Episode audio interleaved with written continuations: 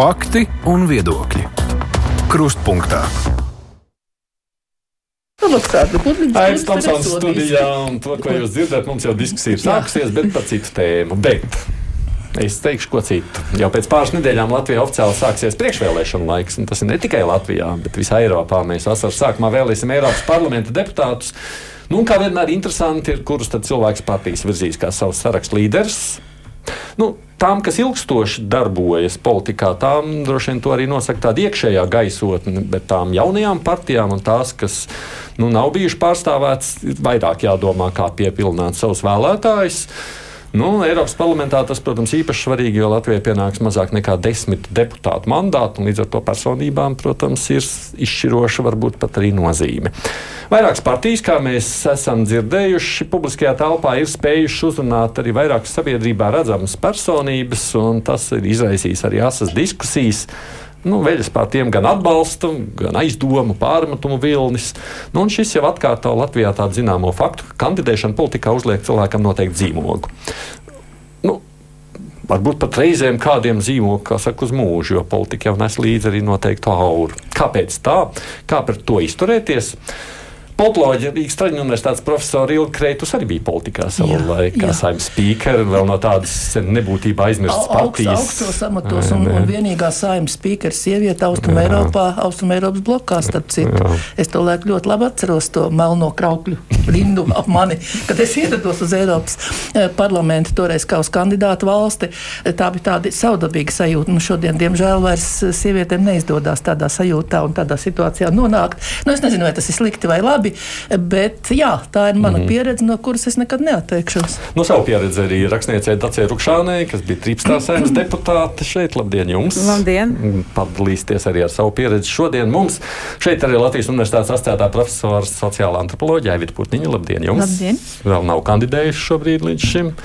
Nu, un savukārt Guns Gutmans, tātad valsts priekšsēdētājs lauksaimnieku organizācijas sadarbības padomē, bet arī daudz gadus ir bijis politikā, bet pamatā otrajā plānā. Ja tā var teikt. Labdien. Jā, labdien! Ja varam, starp citu, atcerēties, Gunti, jūs vairāk kārtas esat kandidējis? Jā, es esmu kandidējis gan pašvaldību vēlēšanās, gan arī saimnes vēlēšanās. Jāsaka, ka es nereiz neesmu bijis ievēlēts, bet esmu izmantojis amata priekšrocības un divreiz esmu mūžā runājis no saimnes tribīnes laikā, kad es biju parlamentārais sekretārs, kas ir iespējams arī būt, kas nav ievēlēts saimā parlamentā. Kāpēc neievēlēja tauta jūsuprāt? Ļoti, ļoti labs jautājums, interesants. Un, un, un kā pieredze rāda, tad par jauniem cilvēkiem pārsvarā parlamenta vēlēšanās nebalso. Parlamentā iedzīvotāji izvēlās pārsvarā tos cilvēkus, kurus viņi zina, pazīst. Un, un jāsaka, godīgi, tas ir loģiski. Tajā brīdī, kad cilvēks aiziet uz iecirkni, viņš paņem šo vēlēšanu biļeteni, viņš uh, ievelk krustiņu tam cilvēkam, ko viņš vairāk pazīst. Uh, esmu analizējis daudz vēlēšanu, vēlēšanu rezultātus, un, un tā ir tāda patiesība. Un tas arī droši vien ir iemesls, kāpēc arī šobrīd, ko mēs redzam Eiropas parlamentu vēlēšanās, no nākamajās, ka partijas mēģina atrast sabiedrībā atpazīstamus cilvēkus. Tāpēc nav brīnums, ka daudz kur parādās arī, arī politologi laiku pa laikam kā kandidāti, jo viņi vienkārši atrodas publiskajā telpā, viņus vairāk zina, vairāk redz, un pa viņiem cilvēki arī vairāk nobalso. Tur ir grūti sākt ar centieniem ienākt politikā kā nepazīstamam cilvēkam. Jā, bet varbūt no vienas puses tas ir slikti, jo šos jaunos cilvēkus mēs, mēs grūti redzam parlamentā pārstāvētus. No otras puses, Jāsaka, varbūt nevienmēr tas ir atkal slikti. No tāda viedokļa, ka tie cilvēki, kas ir nu, tikko pabeiguši skolu, kā savā laikā, nu, man varbūt bija savādāks viedoklis nekā ir šobrīd. Man šķiet, ka politikā ļoti svarīga lieta ir arī tā, ko šis cilvēks dzīvē izdarījis. Un tajā laikā, kad man bija pāri 20 gadiem, es nesapratu, kāpēc ir prezidenta vēlēšanās vajadzīgs uh, slieksnis 40 gadu sasniegšana, lai kandidātu par prezidentu. Šobrīd es teiktu, ka tas ir pareizi. Uh, arī es esmu dzīvē mainījis savus domas kaut vai par šo vienu punktu. Man šķiet, ka uh, liela nozīme cilvēkam ir tas, ko viņš dzīvē ir izdarījis, ko viņš ir sasniedzis, kāda viņam ir arī dzīves pieredze un darba pieredze, lai viņš politikā nu, spētu pārstāvēt savu, savu vēlētāju interesi. Bet es arī tāpēc mēs ar jums runājām un gribējām, ka jūs esat šeit studijā. Es atceros jūs vēl, nu, te bija 90. gada beigas vai 2000. gada sākums, kad iestājāties jaunatnes nodaļā Tautas partijā. Tajā laikā centāties. Nu, Un man liekas, es pat atceros sarunu mūsu, ka jūs teicāt, nu, jūs gribat nu, tajā iziet to normālo ceļu, pa priekšu saprast, kā Jā. darbojas parlaments, iet nu, tādu, tādu tradicionālo politikas ceļu, bet mēs redzam, ka tas nekur nav baigi palīdzējis un atvedis. Nu, kā kārtīgs cilvēks nu, kā... iznācis galā. Nē, es, es, es godīgi sakot, nu, es uzskatu, ka man ir ļoti liela pieredze tādā ziņā, ka es sāku strādāt saimā uz puslodzi par deputātu palīgu. Tas bija mm sākums, pēc tam bija saimā konsultants, pēc tam strādāju ministrijā, gan kā ministra biroja vadītājs, gan kā parlamentārais sekretārs. Šobrīd pārstāvu nevalstisko organizāciju, kas ir lauksaimnieku, mm -hmm. uh, viņu intereses. Es īstenībā ar savu pieredzi zinu visu to valsts pārvaldes uzbūvi. Man ir daudz vieglāk pārstāvēt tās mm -hmm. intereses, un es zinu, kas notiek saimā, parlamentā, kā strādā uh, ministrijas, ministriju dienesti, dažādas iestādes. Un, un tā mana pieredze, kas man bija Uh, nu, politikā, kā, kā teica, mm -hmm. otrajā plānā, tas man šodien dod lielu priekšrocību, jo es zinu to sistēmu, kā viņi strādā. Nu, tādā ziņā, Dace, jūs savukārt bijat pazīstami iesaistījāties politikā no tās otras puses. Vai ne? Nu, sanāk tā, vai ne? Neno, nu, nenožēlojat šo procesu? Nē, es noteikti nenožēloju to. Kaut gan tas, protams, prasīja ļoti daudz spēka un nervu un, un, un laika un arī. Uh, teiksim, tā, ka četru gadu izslēgšanu absolūti no jebkādas literārās aprites eh, man iznāca tajā laikā. Eh, viena no manām visu laiku populārākajām grāmatām nebija praktiski nevienas intervijas, bija mm. absolūti ignorance. Un, un, un tas, kas pamanīja, ka man izslēdz arī, un teiksim, viena no tām manām vietām, kur es jūtos, ka mājās ir tieši Twitteris. Uh, Un Twitterī bija tā, ka četrus gadus gandrīz nevarēja parādīties savā komunā, jo tur gāja skarbi. Tu vari ierakstīt jebko, ko tu gribi. Viss tika uzreiz uh, novērsts uz politiku un uz mm, aktuālākajiem balsojumiem. Bija diezgan traki. Jā. Tur, tur bija zāda vajadzīga, lai iet politikā. Un, uh, Man jau gan viņi diezgan labi bija, jo es, man pirmās divas grāmatas tik ļoti neviennozīmīgi uztverts publiskajā telpā, un es jau biju tā kā jau pieradusi pie ļoti kontroversāliem un pretējiem viedokļiem eh, no sabiedrības puses, bet eh, šis man prasīja tādu vēl papildu. Bet es nenožēloju. Bet tuviniekiem arī, nu, tādiem draugu lokam, tuviniekam arī bija jāskaidro, ko darāt. Jā, ma mammai īpaši. Jā, mamma, nu, mamma jau, protams, par mani uztraucās. Teicis, jau pats ir rūtīts politikā, un, un, un viņš teica, nu, meita, dari, ko gribi, un pats iestājās citā partijā. Ak, ne. nu, labi, bet, ja jūs sakāt, ka nenožēlojāt, bet process bija grūts, šajā grūtajā procesā, nu, kas tas galvenais, nu, tas grūtākais bija? Emocionālais pārmetumi? Nezinu, kas? Nu, viens ir pārmetumi, jo es biju pirms tam arī publiska persona, un tomēr es biju pieradusi pie tādas labākas, ka tevi uztver tā pozitīvāk, un, un, un ar tevi grib vairāk draudzēties, un kad tu aizbrauc uz bibliotekām, tad ir pilnas zāles. Bet tagad, kad es aizbraucu, mēs sākumā mēģinājām tā katru piekdienu braukt pie vēlētājiem, tā aizbraucu, un tur atnāk divi cilvēki. un ar viņiem, protams, tur runā to nu, nu, sev atvēlēto laiku, bet arī Jā, tā attieksme. Un otrs bija tas, ka es jūtu ļoti milzīgu atbildību par to, ko es daru. Un, un tā atbildība dara arī tādu. Man lika uztraukties ļoti, ka es kaut ko varu izdarīt arī nepareizi, un, un jo, jo tā atbildība ir ļoti liela. Jūs uzskatāt, ka esat prom tagad no politikas? Jā, es tā uzskatu, jā, un es arī jūtu, arī, ka Twitterī ir nomierinājies tas viss.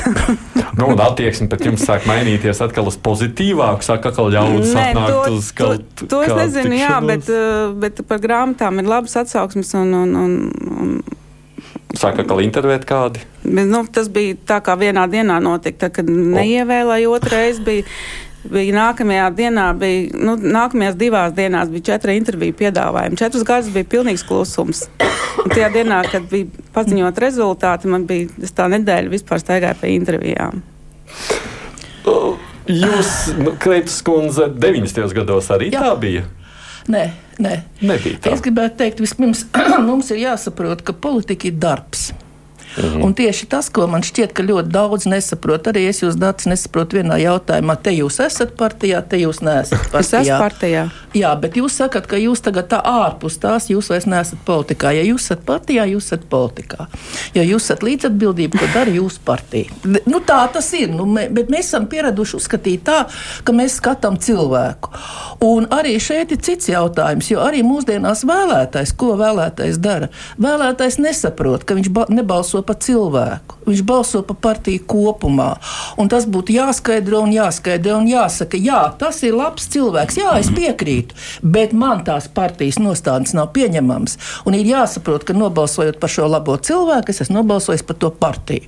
Arī tāds piemērs, ja tu man patīk, ka viens otrs saka, es izsvītroju viņus visus, tā es viņiem parādīju, ja? bet tu esi nobalsojis par viņiem. Nu, svītro kā tu gribi, ar kādas krāsas zīmolu gribi svītrot, tu esi nobalsojis. Labi, ja? Es pie šī jautājuma atgriezīšos, bet, kāpēc, bet jūs sakāt, ka jūs 90. gados tam neizgājāt tādā veidā cauri. Tādā veidā, nē, nu, kāpēc? Ka, kas ir mainījies? Ir mainījusies cilvēka attieksme, ir mainījusies jautājumā, ko mēs esam ļoti bieži mācām un sakam, ka demokrātija nav visatļautība.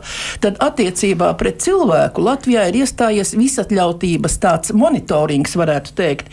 Jo mēs atļaujamies tagad pie anonīmiem nu, komentāriem vai kādiem. Es tagad jūs teiksiet, ka es esmu vecmodīga un, un autoritārā režīma piekritēja, bet man šķiet, ka tomēr ir jābūt zināmam filtram, ko mēs liekam virsū, kas nonāk publiskā celpā caur komentāriem. Jo tās rupjības, tās nelietības, tā melus informācija, ko var uzrakstīt par cilvēku, mums ir neierobežota. Ja? 90. gados bija mazliet cita uzvedības kultūra. Nebija tāda interneta. Nebija, vispirms nebija interneta, un arī cilvēki nebija pieraduši publiski lietot lamu vārdus. Piedodiet, no mājās pa muti dabūju, un teica, tādu muti nu nedrīkst maizīt ēst, ja tu runā šādus vārdus. Šodien tas ir kļuvis par sarunu valodu, tas ir kļuvis par muziķu sarunu valodu savstarpēji dziesmās un izteikumos. Mums lamu vārdi, kurus kādreiz rakstīju uz sienas un teica šausmas, kas tur ir uzrakstīts, mēs tos tagad dzirdam publiski, ja ir ienākusi šī visatļautība, kas, nav, kas neliecina par labu kultūras un uzvedības kultūras attīstību Latvijā. Lai nu man piedod, jā, jo atkal noteikti piezvanīs tantu un teiks, kāpēc jūs to kreitu aicināt uz raidījumu. Jā, jā, par jums nē, arī izteikt. Jā, jā, nē, nē, nē, es gribu teikt tā, man no tā ne silts, ne augsts, bet ja pat no tā nokrītās asinsspiediens, lai viņas zvana divreiz, jā, jo te ir, šī, te ir šī lieta, par ko mēs runājam. Un 90. gados arī cilvēkiem bija lielāka atbildība, ka gāja sarakstā. Es pati pirms piekritu iet sarakstā, es ilgi, ilgi sēdēju un domāju, jā, kāpēc, lai es nekļūstu par kaut kādu tādu piedaudzības akmeni, ah, viņi jau neko, jā, jo es pret to izturos kā pret lietu, kas man ir jāsaprot, ko es daru. Nu, nevar būt, es, es ticu, ka ļoti labs cilvēks, nu, pieņemsim, labs, kas varētu būt, nu, labs uh, aktieris, jā, nu, kā mums ir bijis piemēri, bet ko tas aktieris, viņš nezina, kad satversme ir uzrakstīta. Piedodiet, bet uh, nu, nu, tā diemžēl tā tas bija. Bet viņu ievēl. Ja? Nu, tad kādu kvalitāti jūs gribat no šī deputāta, bet rezultāts ir ne tikai viņa. Labi, viņš, pieņemsim, sēž muti ciet, ja? viņš saimā tibīnē neuzkāpj. Bet viņš tādā vietā atļauj citiem izlemt, ko darīt, kur viņš neiejaucās. Nu, Tas ir profesionālitātes jautājums.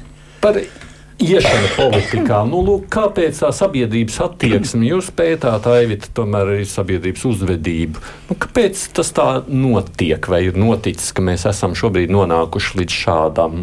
Nu, jā, diskusijai. Jāsaka, man ir bijis pētījums par politikas vidi, un varbūt tieši kaut kā ironisks ar Prukšānas kundzes un starp Kreitus kundzes jā, pieredzēm tajā, tajā periodā. Un, un tad tur nu, viens no tiem iemesliem ir, nu, ka tā, tā reālā politika, ja mēs īpaši antropoloģiski skatāmies, mm -hmm. viņa neatbilst politikas teorijai. Mm -hmm. 90. gados bija liels cerības, ka cilvēki izglītosies un apgūs demokrātijas pamatus, politika profesionalizēsies, mm -hmm. bet tas jau nav noticis. Un tā politika, nu, kā, kā viņa 90. gada beigās, gadu tūkstošmijā un tālāk, joprojām tiek uzskatīti nu, par tādu netīru jomu. Mm -hmm. Un tie paņēmieni, nu, kādā veidā mēs varam izcelties, um, un, un tie resursi, tad ir divi. Viens ir uh, sociālais kapitāls, atpazīstamība, un otrs ir ekonomiskais kapitāls vai nauda. Mm -hmm. Kā mums intervijā arī viens tāds pa, pašpārliecinās pašvaldības deputāts vīrietis teica, viņš saka, nu nevar atnākt viens kuķeni un saka, vai pa divām kapekām tagad ievēl mani. Nu, ka, ka ir jāsavāc šī, un otrs -hmm. ir atpazīstama seja. Un, un otra lieta, nu, kas ļauj cilvēkam ieiet politikā, nu, tas ir arī nu, tāds, tāds zināmais liederībai vecums. Kā mums intervijā savulaik teica, nu, ka tā politikas, nu, kandidāts saraksts to taisa, nu, tā, uh, nu, tā teikt, vīrieši priekšā aizmugurē, un tad uh, sievietes un bērni pa vidu. Un, un, Un tāpēc tās sievietēm ir mazākas iespējas tur kandidēt, jo viņas vienkārši ir dubult eh, nu, nepiemērotas. Jo viens ir tas, ka viņas tajā netīrē vidē nav piemērotas, nu, tā viņai nav mhm. iekšas tajā mhm. tam, tam cīniņam, eh, bet nu, citādāk jau viņas būtu ārkārtīgi labas, jo viņām ir tādas noderīgas komunikācijas, kā nu, mm -hmm. intervijā mums teica, nu, sievietes vismaz kaut ko visu uz, tādu, nu, uz sabiedrības labumu, uz, uz tādām vērtībām visu pavērš. Un, uh, nu, tā bija tāda. Nu, aina, kā paši politiķi šo politikas mm -hmm. vidi aprakstīja. Kreitas kundze to darīja, māja ir galva. Nē, nedaudz. Es, es gribēju arī jūs papildināt vienā vietā, un es reizēm saku to.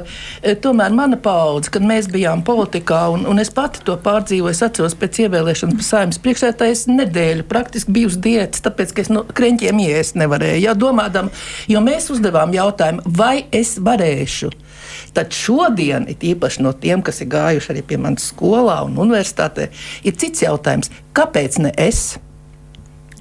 Jā, ir nomainījusies vērtību skala. Nu, kāpēc ne es? A, kāpēc viņš? Un arī sociālo kapitālu mēs varam dabūt citā veidā. Var arī ar TikTok, kā Glorija. Mm -hmm. es, viņa, es pat tai deputātei vairs uzvārdu neatceros. Bet nu, tas, ka viņa ir Glorija, Jā. to mēs droši vien uh, visi zinām. Un turpat ne izglītības līmenim, ne, ne, ne, ne, ne kādām verbālajām prasmēm, ne izpratnē par politikas procesu ne, nav nekāda noformējumam nekāda nav vairs. Un, un tur ir nu, tas, kādā veidā tā, nu, tā popularitāte ir daudz vieglāk um, aizsniedzama. Tas ietekmē arī politiku, jo, lai tur paliktu tajā spēlē, nu, tev ir sevi jāpārāk jāparāda. Un tur ir ārkārtīgi uzmanīgi. Ne visi lamu vārdi der. Mēs zinām, ka gāja sautai āboliņai ar žestiem. Mm -hmm. nu, tas tas pazudināja šo politikas karjeru. Tur ir ļoti nu, tāda, mm, diezgan uzmanīga spēle, un tur ir, ir, ir jājūt. Nu, jā, man te viena ekspolitiķa arī rakstīja, nu, kur vairs nav politikā par šo raidījumu, dzirdot reklāmu un izstāstīja savu pieredzi. Nu, viņa gan lūdzu vārdu neminēt, tāpēc es palikšu pie tā. Bet redz, katrs jau ir kaut ko piedzīvojis, un tāpēc kāpēc tam cauriet. Es iesāku to raidījumu vispirms ar Gunti. Guns, man liekas, nu, gāja to ceļu, kuru es reizēm dzirdu, nu, kā tas notiek tur Vācijā vai mm. Amerikā. Nu, kad tu sāc no jaunības kā domāt pēc politikas teorijas, teorijas jā. kā pasniedz Franči, Francijā, kad eh, šī te administratīvajā skolā, kur gatavo politiķus. Jā, redz, kāpēc es neveltu runāju par to, ka tas ir tā ir profesija. Ir valstis, kurās augstskolā zina, ka ja es beigšu šo programmu, nu, es speciāli stājos ar tendenci, ar ideju. Jā, ka es iziešu tam cauri. Ja nekļūdos, tikai viens Francijas prezidents nav mācījies šajā administratīvajā skolā, saucamajā. Ja Lielbritānijā jau tas, tas pats, pats ir. Tevi, saprotiet, tas e, šī te, nu nevar teikt vecā demokrātija, tā kā teiks, ka mēs jau neesam nemaz tik jauni vairs, jā. Bet šīs valstīs nav, viņi nevar iedomāties, ka var tā nokāpt no teātra skatus un kļūt par, par deputātu. Bet kāpēc jā? Latvijā šis process īsti, nu, tā kā nu, tāpēc mums, mēs neesam iedarbinājuši, mēs vārdi burtiski esam iedarbinājuši un paziņojuši sev par Eiropas demokrātijas valsti, bet praktiski mums ir izdevīga šī situācija. Ir partijas augšņa, kas savas lietas regulē, pieaicinot, pieslaukot klāt šos populāros, kurus ievēlēs un kuri netraucēs realizēt savu politiku, ko es gribu realizēt. Es, es, kad, jā, nu, jā, es redzu, vienu, ko var piebilst, ir mums Latvijā, ja es nemaldos, no visām Eiropas Savienības valstīm politiskajās partijās ir vismazāk cilvēku. Jā. Tas ir viens jā. no iemesliem, jo -hmm. tajās, tajās demokrātijās, par kurām mēs runājam, tur Vācija un citas valsts, īstenībā, lai tu tiktu par kandidātu, tev ir jāiziet mm -hmm. veselam procesam cauri, un tas nav tik vienkārši. Un principā es esmu bijis arī Lielbritānijā, skaties viņu tur um, deputātu vēlēšanas un uzstāšanās. Mm -hmm. Tie visi kandidāti, kas um, nu, ir jau politiķi un vēlās kaut kur kandidēt vai pārvēlēties, nu, tās viņu uzstāšanās prasmes, tā viņu izpratne par politiku nu, ir nesalīdzināma. Nu, fantastiski. To vienkārši var skatīties, mācīties un, un baudīt, kā viņi veido politiku, kā viņi dara politiku. Profesionāli. Tā, tas ir profesionāli. Es savā laikā esmu, esmu studējis filozofiju, pēc tam politikas zinātni, pēc tam sabiedrības vadību, maģistratūru līdz doktorantūrai. Es, man, man ļoti tajā laikā patika tas filozofijas sākotnējais uzstādījums, ka valsts ir jāvada filozofiem. Jā, kā senos laikos aha. tas bija. Platona piekritējis. Platona, Platona valsts. tur ir daudzas lietas, kas ir tādas patiesības, kur ir arī tie vecuma no, cenzi. Kāpēc tev ar politiku mm -hmm. jānodarbojas tad, kad tu līdz tam nonāc? Nevis uzreiz pēc skolas un nezinot, ko tu iesāksi. Es atceros, tajos pašos 90. gadu beigās bija politiķi, kas teica vienu tādu, manuprāt, svētu patiesību patiesību, ko mēs bieži vien man šķiet neredzam un esam aizmirsuši. Politika, būt par saimnes deputātu, par Eiropas parlamentu deputātu, tas nevar būt pašmērķis. Tas mm -hmm. nevar būt mērķis kļūt par deputātu. Tev ir jāzina, ko tu gribi izdarīt, Un politika ir jābūt kā instrumentam, nevis kā mērķim. Nu, man šķiet, ka mēs redzam ikdienā tos gadījumus, ka tā es nav. Jūs papildināt vienā citā lietā. Tas ir ne tikai cilvēki, tas vispirms ir partijas atbildības jautājums. Jā, piekrīt, kuru, tu ņem, kuru tu ņem, kuru tu virzi un arī sagatavo šo cilvēku. Jo es nezinu, mm. tāds kā jums bija, vai jūs sagatavojat tam, kas jūs tur sagaida, ja? vai jūs vienkārši nu, savā atklātībā piekritāt, jā, es varu godīgi strādāt, mm. es to darīšu. Nu, sākumā tā, piekrit, partijas, tā ir partijas atbildība audzināt, jo no teorijas, nezinu, no teorijas Tas ir viens no partijas uzdevumiem - sagatavot savu biedru maiņu, sagatavot savējos darbam politikā. Bet kura partija to dara? Nu, es nezinu. Agrāk bija jauniešu organizācijas. Es tagad neesmu dzirdējis mm. nevienu jauniešu organizāciju, kas mūs aicinātu kaut ko darīt, kaut kur, kaut kādā veidā kustēties kādā virzienā. Ja? Arī bijusī Tautas partijas jaunatnes organizācija bija ļoti aktīva. Nu, jā, jā, nu, man viņa, partija to iesāka, vēl jau mēģināja, arī vienotība, vēl jau, jā, vēl jau mēģināja partijas kur tas, tas viss ir palicis. Pazuda. Tāpēc, ka partijas jūta, ka mēs ist, varam iztikt bez tā, mums to nevajag. Mūs mm. ievēlēs tāpat. Un kamēr vēlētājs vēlēs par populāru personu, nevis izvērtēs partiju un tās atbildību, jā, mm. tikmēr mēs no vietas neizsaka, ka vēl progresīvi vēl to mēģinot šobrīd. Nu, no, nu, pa labi pa tiem. Nu, labi, jums nepatīk viņa. Nē, nē, nevis nepatīk. Es vienkārši vērtēju darbību, ko tur dara. Labāk, lai viņi man atsūta vilcienu uz Cerniku. Bet, nu, esot tajā partijā, nu, kāpēc tas, nu, tas ceļš ir sanācis tāds, nu, ka tagad lūk, mēs no otras gala ejam? Kāds ir jūsu vērtējums par dats? Uh. Kāds jautājums? To, to es tā neesmu tā padomājis. Es domāju, ka tas ir tāds vieglākais ceļš, un, un kas ir izvēlēts, jo tāpēc, tas garantē mūsu sabiedrībā, teiksim, balsu kaut kādu ats, pieskaitīšanu, atskaitīšanu. Un, un, Man, mani gan, kā Kretus kundze teica, mani, mani sagatavoja mazliet, un man, man bija ļoti laba deputāta palīdzība, bet viņa pat arī kandidēja. Bet, uh, viņu izsvītroja, jo viņai ir nelatvisks uzvārds. Viņa nosvītrojas pašu laiku, kaut gan viņa pati bija daudz, daudz gatavāka nekā es būt politikā un startēt un, un, un izpildīt visus pienākumus, jo viņi visu zināja perfekti, kas kā notiek, un viņi man to mācīja. Nu, tāds uzvārda meklējums un meklējums, nu, lūk, tur ir rukšāna vai jebkurš cits, tas ir tāds sabiedrības pieprasījums. Jā, es domāju, ka jā. Sabiedrības... Bet, bet, bet tur jau ir tur īstenībā šausmīgi vienkārši. No, no otras puses, ko dara politiskās partijas?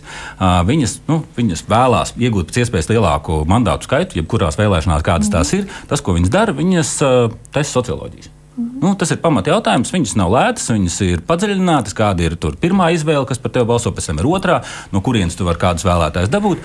Un uz tā pamata arī veido šos vēlēšanu sarakstus lai vienkārši iegūtu pēc iespējas lielāku mandātu skaitu. Jā, protams, lai realizētu kaut kādu savu politiku, kādu viņi uzskata par vajadzīgu, kas mums vienam var patikt, vienam nepatīk, viena partija vai otra.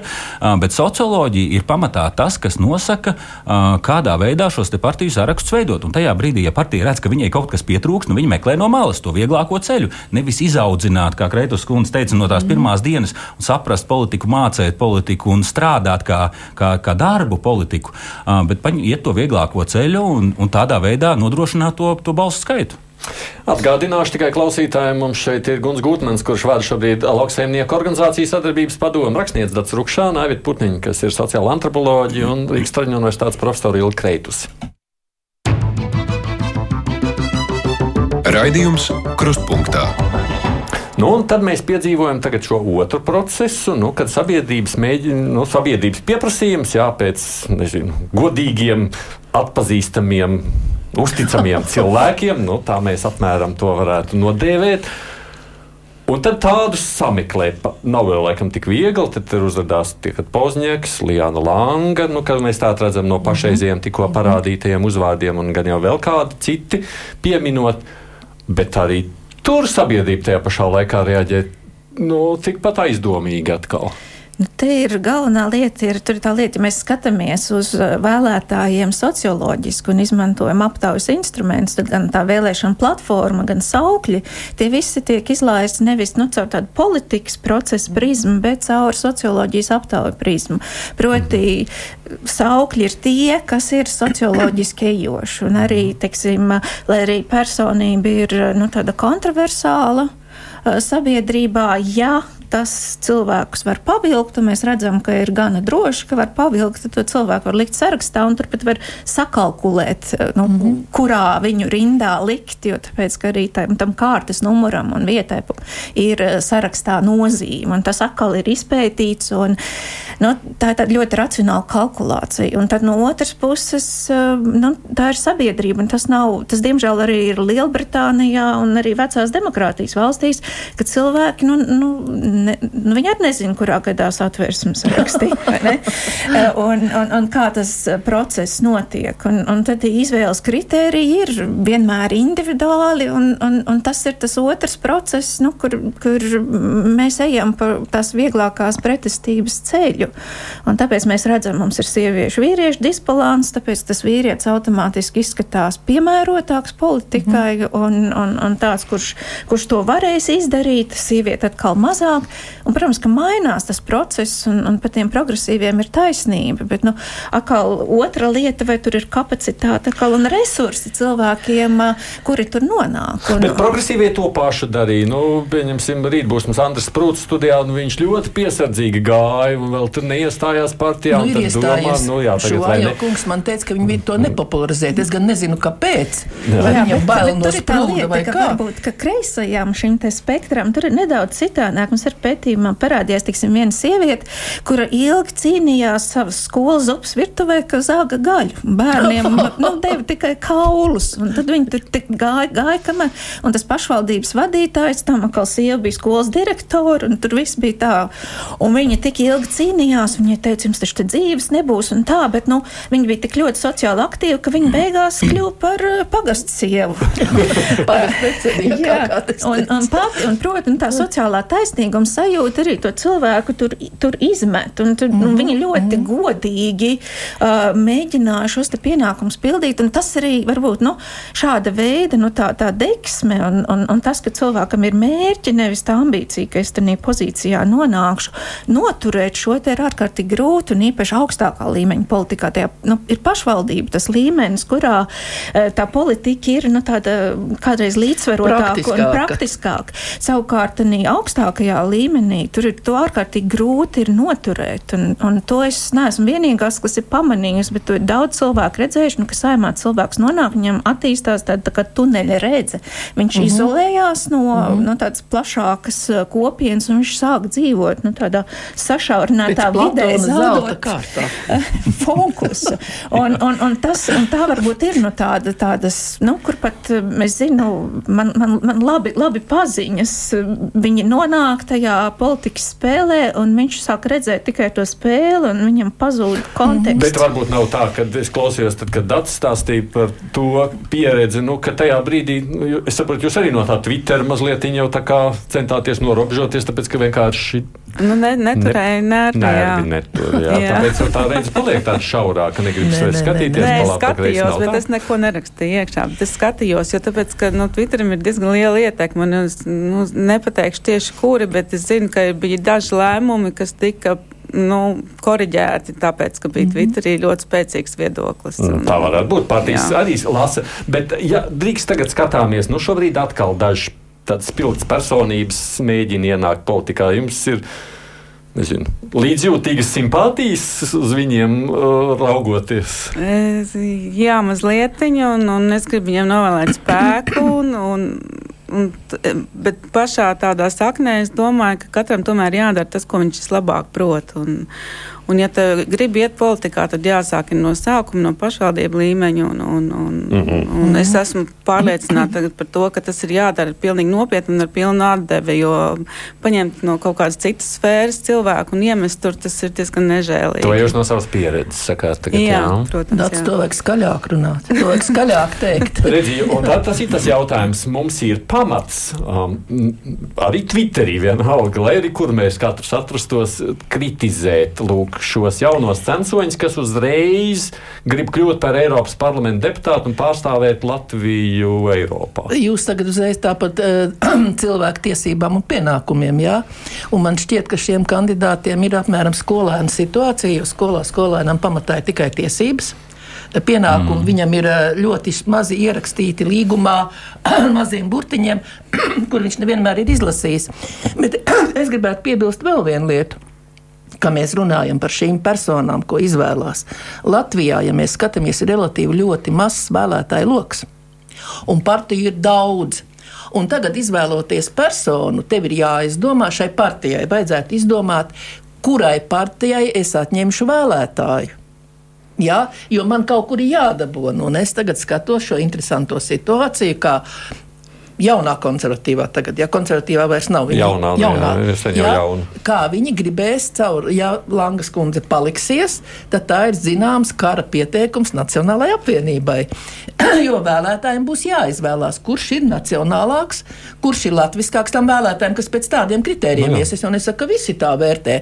Kurš ir labāks tagad šis, bet ir vēl viena lieta. Es esmu kategoriski pret to, kad ir kandidāts, kas nav partijas biedrs jo viņš neatbild nekam. Ja mm -hmm. tu esi partijas biedrs, tev ir atbildība vismaz, un šai partijai ir atbildība. Un mēs zinām šādus gadījumus. Nu, es domāju, ka visi atcerās tās autobusu aizmugures, vismaz Rīgā, kas brauc ar sabiedrisko transportu, Grigalas kundzes viedo tēlu. Ja? Mm -hmm. Es brau, mēs pa brīvības ielu pārvietojos, ja? toreiz ar pirmo autobusu. Godīgi sakot, man jau likās, ka tūlītās aiz kāda stūra arī parādīsies šis tēls. Viņa tika ievēlēta un kas viņi atcerās šodien, un kāda ir šīs partijas atbildība par to, ka aizbrauca no Latvijas deputāts, kurš izmantoja Eiropas parlamentu savām Tie personiskām interesēm viņi tur precējās, šķīrās, dalīja mantu, mainīja frakcijas. Tur bija grūti izsekot visam, ko viņa darīja. Bet kur ir partijas atbildība par to, ka jūs izvirzījāt šādu deputātu?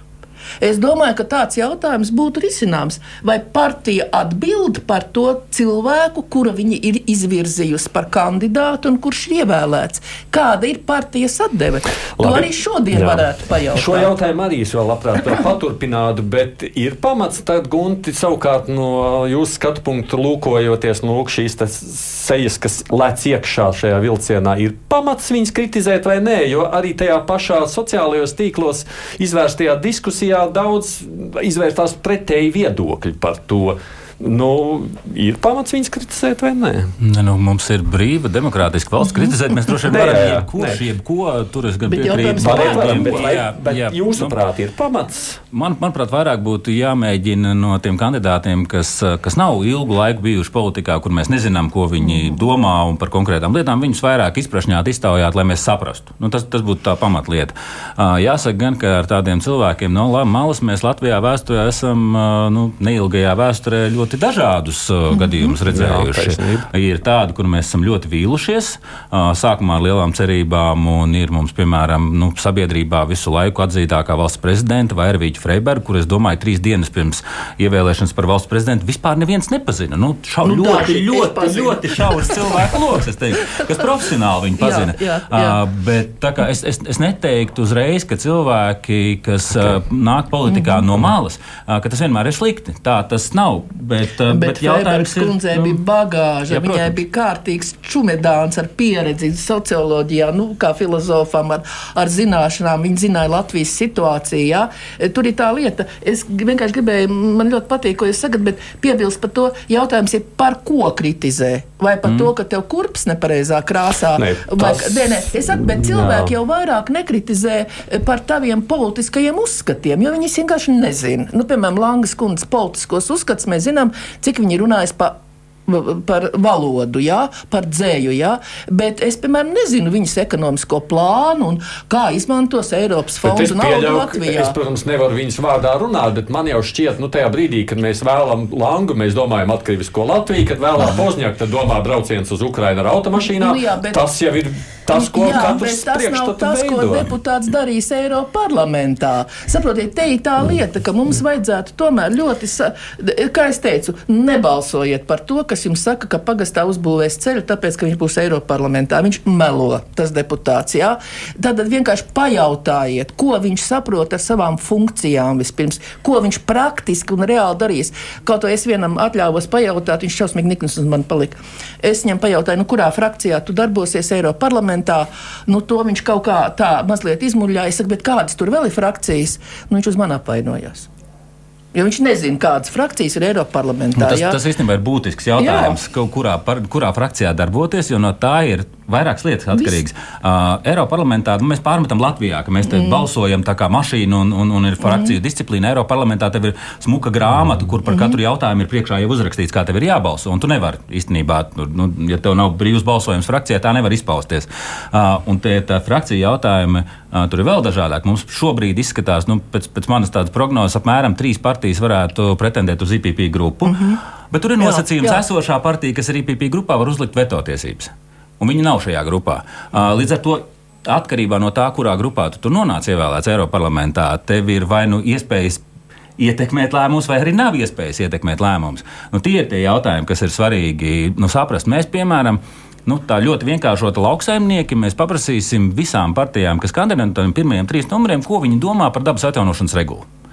Tas ir mums, lauksaimniekiem, mm -hmm. svarīgs jautājums, kurš Eiropas parlamentā pagājušā gadā balsojot, nonāca tik ļoti līdzvērtīgi, pusi uz pusi ar, ar liekas, 12 balsīm pārsvaru uh, pieņēma lēmumu. Tas ir svarīgi. Tie ir tie jautājumi, kurus mēs bet, uzdosim. Tas kā lops ir svarīgi, bet tādam vēlētāju vairākums domā, ko es tur pajautāt, man vienalga.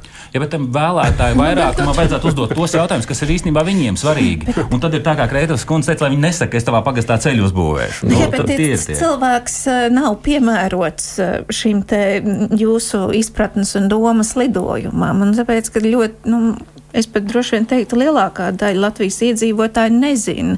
Uh, ko dara Eiropas parlaments un, ne, es, es, un ar kādiem jautājumiem Eiropas parlaments nodarbojās un, un kādā mm -hmm. veidā šajā parlamentā mēs varam uh, ietekmēt lēmumus un, un vai pat ko Eiropas komisija dara.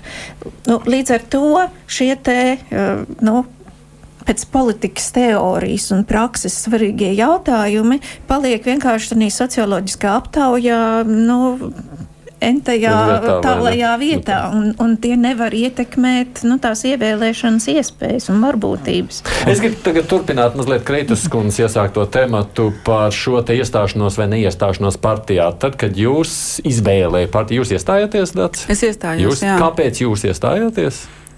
Man tas likās loģiski, ka, ka tu, ja tu kaut, kaut kur esi teiksim, izvēlēts, un tad tu piedari pie tās kopienas, un ka tev tajā kopienā ir jāpiedalās viņas arī citās aktivitātēs. Bet, ja jūs nebūtu ievēlēti, nu ko jūs ko tad darītu? Nu, man jau tagad neievēlēja.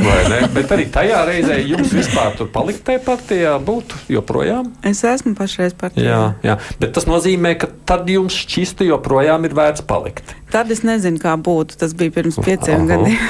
Redzi, kāpēc es to jautāju? Man liekas, nu kā, var jau saprast tos cilvēkus, it īpaši nu, ja tava profesija ir tāda, kas ar politiku vēl tuvāk ir, nu, pieņemsim, tas pats pieminētais Andris Sprūts, vai nu vēl kādi, nu, šķiet, nu, tu tagad kandidē, tevi neievēlēs, nu, dzīvot vajadzēs atkal savā profesijā tālāk, nu labāk, kā saka, tikai to puskāju ielikt tajās durvīs. Nu, jā, bet tas ir tas partijas atbildības jautājums. Neprasiet to sprūdu kungam. Loģiski viņš domāja par savu tālāko virzību. Viņš ir redzējis manu dzīves pieredzi, viņš ir redzējis citus. Viņš ir analītiķis, ārpolitikas speciālists. Jā.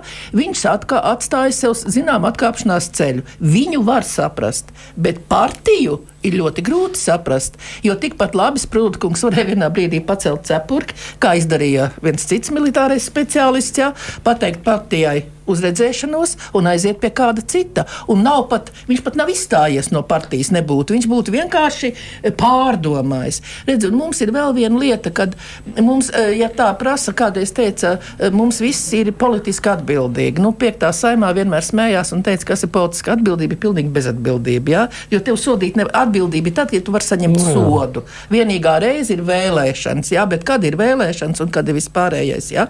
Tāpēc te ir tas jautājums, uzdodiet jautājumu partijas priekšsēdētājiem. Piemēram, man līdz šim brīdim nav pieņemams, un es to nesaprotu, kā var par ministru partija politiskā amatā ielikt ne savus partijas biedru. Un tas bija labākais piemērs, bija Nacionāla apvienība kultūras ministrija. Un, un vēl viena lieta, ir, kas mums ir Latvijā nedarbojās un ir darbojusies tikai pāris reizes. Jebkur rietumē Eiropā par valdības vadītāju automātiski kas kļūst? Partijas priekšsēdētājs. priekšsēdētājs. Par to nediskutē vispār. Mm. Lielbritānijā ir skaidrs, kurš būs priekš, jo viņš uzņemās atbildību. Mm. A mums varētu aicināt vispār no kaut kurienes, it īpaši ministrus, ja? un kur ir viņa atbildība, kā tad izpaužās tā politiskā atbildība. Atcerieties, bija izglītības ministrs Sēles kundze, ja? kurai nevisai paveicās ar šo gājienu um, jau, uh, skolānu dziesmu svētkos, tur atcēla, neatcēla tādu. Viņu kāds aizstāvēja, neviens viņu neaizstāvēja. Viņu vienkārši izmet ārā, vainīgais atrasts, viss sodījām prom, un neviena partija par to neatbildēja, jo viņi bija bezparteiskā. Jā, bet tur ir, tur ir vēl viena milzīga problēma mūsu valstī, kas, ko es esmu no daudziem saviem paziņām saskāries, kas ir saistīta ar politiku bijuši. Uh, tā ir tāda tad, nu, reāla nelaime, kas uh, varbūt arī ietekmē to jautājumu, kāpēc cilvēki nestājās partijā. Tajā brīdī, kad tu esi partijā un nedod Dievs, esi bijis kādā matā, un tad tā partija pēkšņi nonāk opozīcijā. Šajā valstī vienkārši cilvēki nevar dabūt darbu. Izmet gadiem. Ārā gadiem viņus nekur neņem darbā, lai arī viņš atbilst visām profesionālajām īpašībām un varētu to darbu labi veikt. Viņu nu, sliktākajā gadījumā atrod iemeslu, jums te punkti nepietika konkursā. Labākajā gadījumā viņam paklusām pačukst, nu, diemžēl es nevaru te viņiem darbā, jo tu esi citā partijā. Nu, tā ir tā, tā, mhm. tāda ļaunuma sakne tajā, kāpēc cilvēki īstenībā negrib stāties politikā. Viņš saprot, ka, ja viņš kaut kur nebūs, viņam viss ir beidzies ar savu profesionālo darbu. Es jau darbību. esmu viens no kaut kādām sejām, kurus tad ir aicinājuši partijā stāties. Es neesmu gan nekad arī, kā redzams, to darījis. Saprotat, bet es jau pat arī no šāda aspekta skatoties, nu, lūk, nu, pieņemsim, es aizietu. Skatos... Bet varbūt četras gadus būtu kā Rukšānas kundzes darbā, bet es jau tad žurnālistikā vairs tā nevarētu atgriezties. Nu, nu visi, visi jau mēs domājam. Visi ja? Atgādināt un teikt, ka jūs vai esat, ne? pieņemsim, tautas partijas garā roka. Jā, nu, uzreiz būtu apzīmēta. Jautājumu, kur viņš uzdeva ne tā, un ārēc, kur viņš tam pievilka speciāli. Jārēķinās. Jā, es gribēju paturpināt par to partiju un darbā iekārtošanos, un, un tā varbūt ir viena nelaime, kur mēs atkal tā kā novirzamies, mm -hmm. proti, ka partijas kalpo par darbā iekārtošanās kantoriem. Un, proti, ja, ja nepaveicās, nu, tad ir tikai tā problēma, bet lielākoties jau arī caurkrituši politiķi mēs redzam, viņi nonāk tīri labi apmaksātās pozīcijās, un, un tur ir nu, tāda zināma nu, savstarpējo rēķinu bilance, kurā mm -hmm. cilvēki iesaistās. Un tā ir tā, nu, tā otra puse, kā lēmumi tiek pieņemti, kā tiek ietekmēti, un varbūt nu, tādu agrīno gadu pieredze, ka uh, lēmumi tika pieņemti naktī viesnīcā vai uz kaut kāda kuģīša vai, jā, vai, vai kā, kādā. Nu, tas uh, varbūt samazinās, un, un tomēr nu, tie Nē. lēmumi nu, nu, vismaz atsevišķi pārceļās uz parlamentu. Nē, bet es... liela daļa joprojām nu, tā ir spēle, kas, kas notiek nu, ārpus. Jā. Un tie ir arī cilvēki ētiskie nu, standarti un, un, un sirdsapziņa, cik daudz bet es to varu atļauties, un, un vai, vai es esmu gatavs, un cik tālu šie mani kompromisi iet. Kā viens politiķis man nesen teica, viņš saka, nu, es redzu, ka tas nav labi. Un, un tā, bet nu, tie mani kompromisi ar sirdsapziņu vēl ir, nu, es vēl varu viņus pie, pieļaut, un tagad es tur nu, tos ieguvumus un zaudējumus izvērtēju. Nu, es vēl esmu nu, tajā pozitīvajā bilancē, bet es labi tik un tā par to nejūtos. Ai, bet, es jums gribu oponēt vienā lietā. Nevis oponēt, bet kur tas sākās? Tas nesākās apakšā, tas ir ar saimu saistīts. Jo pastaties, kas notiek nomainās politiskie spēki, pozīcija, opozīcija. Kas notiek nākamā dienā? Visi amat, visus izmet ārā. Jā, nu, atstāja vienu no opozīcijas. Nu, galīgi nesmuka būt, ja ne. Tagad vēl trakāk. Nabaga Kirsteina metīs ārā no uh, kaut kādas sadraudzības komisijas par to, ka viņš kaut kur viņš ir opozīcijā. Ja? Saprotiet, tas ir šī gadījumā jāsaka, zivs bojājās no galvas. Ja saimā var šādi, ja tu neesi manējais, es tevi prom Neviens nevērtē profesionalitāti, ko viņš ir darījis, vai viņš ir bijis veiksmīgs vai nē. Un tādā veidā mēs esam kaut ko citu izdarījuši. Mēs esam sapinuši kopā valdību un saimu. Mums šobrīd, ja jums būtu jāsaka, kas, kas valstī ir augstākais orgāns, saima vai valdība? Vincent, ko jūs teikt?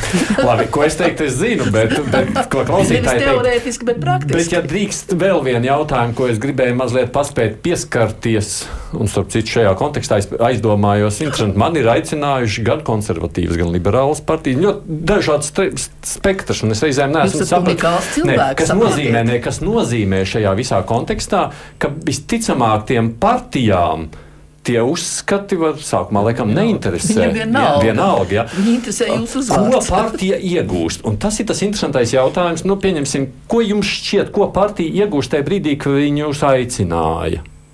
Droši vien atpazīstamību un ceļu kaut kādu.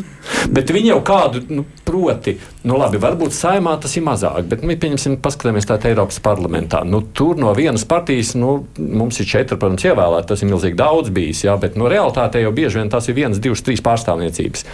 Ko partija dod, nu, pieņemsim, oh, Bet tad atcerukšana mums numur viens mūsu sarakstā. Mēs viņu ievēlējam, bet paši partijā pārējie, nu, ko jūs viņiem tur kādu labumu nesat? Čumedānu ar naudu. Nes, nes čumedānu ar naudu, un jūs saprotat, kāds ir tas? Nav pašai jāprasa. Es, nē, par Eiropu parlamentu es nevaru nokomentēt. Jā.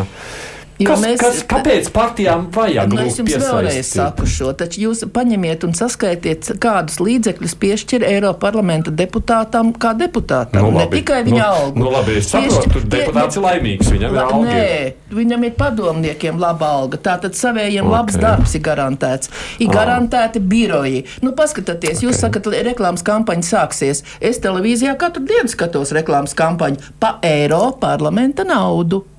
Un kura mhm. reklāma tā ir? Tagad varētu teikt, Roberts Zīle stāv un stāsta jums par Eiropas parlamentu. Un kas apmaksā to? Eiropas parlaments. Eiropas parlaments, mm -hmm. lūdzu. Jums, un partijai ir atpazīstamība, un partijai nav jātērē ne kapēka. Saprotiet, mēs šito te faktoru aizmirstam.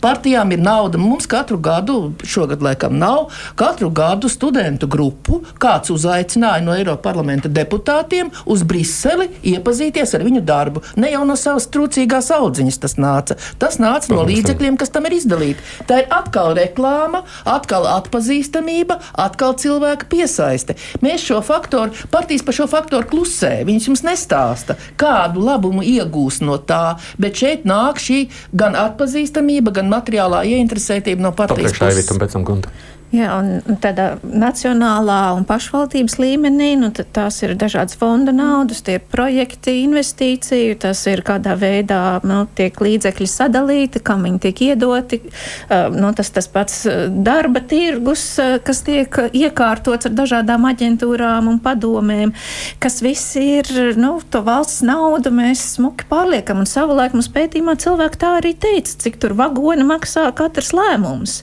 Uh, un, un, un, un... Vai, Gunte, vienkārši tāds jūs apzināties vai jutāties, ka jūs bijat naudas piegādātāji savai partijai? Nē, nu, viņa nebija Eiropas parlamentā. Nē, nē nu, jā, bet nē, saimā pašvaldībās ar kā tikko sacīja Aivit. Nē, tā es nejūtos. Nē. Ļoti interesanti. Vienkārši šis ir tikai tāds aspekts, kurus tas, tas, ko es gribēju pieminēt par Eiropas parlamentu. Nu, tomēr tur ir, tur ir vēl viens būtisks aspekts. Nu, tāda, nu, vismaz Latvijas mērogā nopietnai partijai ir jābūt pārstāvētai Eiropas parlamentā. Un tad jau savukārt, kandidējot saimas vēlēšanās vai pašvaldību mhm. vēlēšanās, tās partijas var teikt, redziet, mums ir pārstāvis viens, divi vai trīs Eiropas parlamentā, kur mēs esam pārstāvēti visos varas līmeņos. Nu, tas ir vēl viens papildus, papildus jautājums. Mēs ļoti labi esam redzējuši pat pašvaldību vēlēšanās, nerunājot mm -hmm. par parlamentu vēlēšanām, ka Eiropas parlamenta deputāts reklamē savu partiju. Tas ir, mm -hmm. nu, mhm. viņš, protams, arī ir atpazīstamība persona, tāpēc viņš tur ir ievēlēts. Līdz ar to tas ir vēl viens pienesums, kas, protams, jebkurai politiskajai partijai ir svarīgs. Okay. Beigās, Aivita, mēs, mēs uzzīmējam to ainu, cik viņi ir diezgan atšķirīga ja, no tās vecās demokrātijas, kā mēs sakām, rietumos. Kā jums šķiet, ir izskatās, ka varētu mainīties kādreiz situācija Latvijā. Kā jums liekas, ar jūsu pieredzi? Nu, tā situācija mainās, un, un, un to mēs arī redzam, ka nu, ir partijas, kuras varbūt ne, ne tik ārkārtīgi labi un veiksmīgi prot šo spēli spēlēt vai atsakās viņu spēlēt. Un tad viņas ārkārtīgi bieži pārspēlē, pārspēlē un sauc par jāmpampiņiem. Progresīvie ir arī viena no tiem, no kura ļoti daudz cilvēku, kas ir aizgājuši tāpēc, ka viņi ir ideālisti, viņi ir taisnīguma meklētāji, un, un tad nu, tie kompromisi nāk ārkārtīgi smagi. Bet uh, nu, jautājums, cik nu, teiksim, tā savstarpējā spēle un, un tā izrāde partijai pašai ir, ir svarīga. Proti, un, un šī ar, motivācija. Paudžu nomaiņa, domājat, ka varētu kas mainīties? Nu, ir jau arī citas vecās partijas, kurās mainās tā paudze, bet tie spēles noteikumi nemainās. Un tas drīzāk varbūt ir jautājums par politisko spektru, nu, par, par cilvēka nu, kaut kādiem nu, paša uzstādījumiem. Un tas ir jautājums arī par zināmām sociālām prasībām prasmēm, kādā veidā cilvēki ir pieraduši jautājums risināt. Tas ir arī izglītības līmenis. Un jo vairāk mums būs ārzemēs izglītotu cilvēku, kuriem būs citi šie standarti un, un, un, un attiecību veidošanas kritēriji, tur es domāju, nu, tā, tā pārmaiņa būs. Un vēl viena pārmaiņa, kas bija jau nu, pirms gadiem desmit, ar vien vairāk sievietēm ienākot politikā, arī tas mainīja to veidu, kā lēmumi tiek pieņemti. Nu, jā. un tas ir tāpēc, ne tāpēc, ka sievietes bioloģiski ir citādākas, bet tāpēc, ka viņas vienkārši iemācās cita veida prasmes mūsu kultūrā. Tad, kad aizmirsīs teicienu, ko man nācās dzirdēt savā laikā, sastāvā saimā, es jau neļaušu vienai bābai sev pa galvu dancot. Jā, to pateica mans partijas biedrs. Kā, kad izmirs šī domāšanas tips, jā, jo tas ir šis domāšanas tips, ka viņas, jo, jo atceraties, ja nu mēs kaut ko esam mantojuši no padomju iekārtas, tad vienu lietu. Tur nu, sievietes nekad nebija ne ģenerāla sekretāra, ne augstākā līmenī. Mēs esam to aizmirsuši. Mums šķiet, ka tas ir mūsdienu kaut kāds. Nē, tur jau bija tas krājums kronis uzlikts visam, kā tas ir. Bet redziet, arī cita situācija. Man progresīvo kaut kur žēl bija, jo viņi patiešām bija ideālisti. Es pat domāju, ka varbūt pat izdosies to Marsa treku nosargāt. Jā? Bet tā ņirgāšanās, kāda notika pa progresīviem, lai viņi man piedod, ka viņi to krupi tik vienkārši norīja Rīgas domē, Marsa treku sāka, viņus ievēlēja tāpēc, ka viņi aizstāvēja Marsa treku. Arī fiziski tīri viņi tur ķēdējās pie kokiem vai, vai kaut kā tur bija. Jā? Bet Marsa treka nojaukšana sākās otrā dienā pēc Rīgas domas saimnes darba sākšanas, kur bija ievēlēti progresīvie. E, e, partijai nevajadzēja tik vienkārši šo grupu norīt un nevajadzēja tik vienkārši piedot. Ta, mhm. saprotiet, tas tā, nu, var, ir, ir politiskā konkurence, ir politiskā cīņa, nu, bet nu, mazliet to ētiku tomēr paturiet, kungi, vērā. Jā, tu sākumā teici par to, ka, nu, kad mums kaut kas mainīsies, vai nu, mums kaut kad nonāksim tā, kā ir vecā Jā. Eiropā. Es teikšu, ka varbūt runājot tieši par Eiropas parlamentu vēlēšanām, nu, ne visu vajag pārņemt arī no tām mm. vecajām valstīm un kāda tur tā kārtība ir bijusi. Jo tas, ko savā laikā nu, kolēģiem Vācijā un, un Lielbritānijā runājot, Jā. tā, tā nostāja bija nu, partiju, lielo partiju iekšēnē tāda, ka Eiropas parlaments ir šo cilvēku politikā nostrādāto gadu nopelnīta pensionēšanās jā, jā, vieta. Noslēguma jā, tā ir tāda pensionēšanās vieta, tur tu brauc par lielu augu, nu, neko nedari, atpūties, braukā apkārt pa konferencēm. Mums tomēr Latvijā ir svarīgi, ka tie pārstāvi deviņi, Labi. kas mums ir, ka viņi pārstāv mūsu valsts intereses. Tas mums ir būtiski. Man beigās patīk, ka jūs mazliet uz tādas pozitīvās, ja optimismu nots ar to arī pabeidzam, tāpēc, ka šīs dienas raidījuma laiks ir beidzies, bet nu, nevajag ar pesimismu vienmēr tikai lūkoties nākotnē. Es jums saku paldies, Guns Gutmans ir lauksaimnieku organizācijas sadarbības padomas valdes priekšsēdētājs, Ilkrētus, politoloģi, Rīgas Traģiņu universitātes profesori. Mums arī šeit ir rakstniece, 13. saimnes deputāte Dāca Rukšāni un Latvijas universitātes asociētā profesori sociāla antropoloģi Aivita Putniņa. Paldies jums, atnācāt šeit Jā, uz rēdījumu. Nu, mūsu pieminēto Andris Prūdrīt būs klausītājiem iespēja iztaujāt arī žurnālistiem. Viņš ir tāds aizsardzības ministrs. Mm. Nu, viņš ir viens no tiem, kurš riskēja kandidēt vēlēšanās. Viņam pat izdevās kļūt par ministru, lai gan arī, nu, kā mēs dzirdējām, ļoti piesardzīgi. Bet mēs rīt par politisko pieredzi noteikti nerunāsim. Droši vien žurnālisti klausītāji varēs uzdot savus jautājumus par ministra darbu. Tur tiešām ir daudz ko runāt un jautāt. Bet mēs vēl tiekamies arī šodien pēc pusdienas trim raidījumā divas puslodes, kas ir veltīts pasaules notikumiem. Te nu ir jāpiebilst, būs arī dažādi uz, temati mūsu uzmanības lokā. Tādu īsāku uzmanību droši vien veltīsim arī gan tam Zviedrijas nu, iestāšanās NATO ceļam pavērtajam, gan Ukraiņas apšaudi, bet plašāk palūkosimies uz nu, nākamo Donalda Trumpa uzvaru priekšvēlēšanās ASV. Un savu laiku arī veltīsim trauksmēnajām ziņām no tuvajiem austrumiem. Runāsim gan par Izraēlu un Palestīnu, gan arī par Irānas veiktajām apšaudēm pēdējā laikā uz vairākām kaimiņu valstīm. Tas viss tātad Latvijas taļo viens ētrā pēc stundas. Kruspunktā izskan producēja Ieva Zvejas, studijā bija Rēs Haidis Tomsons.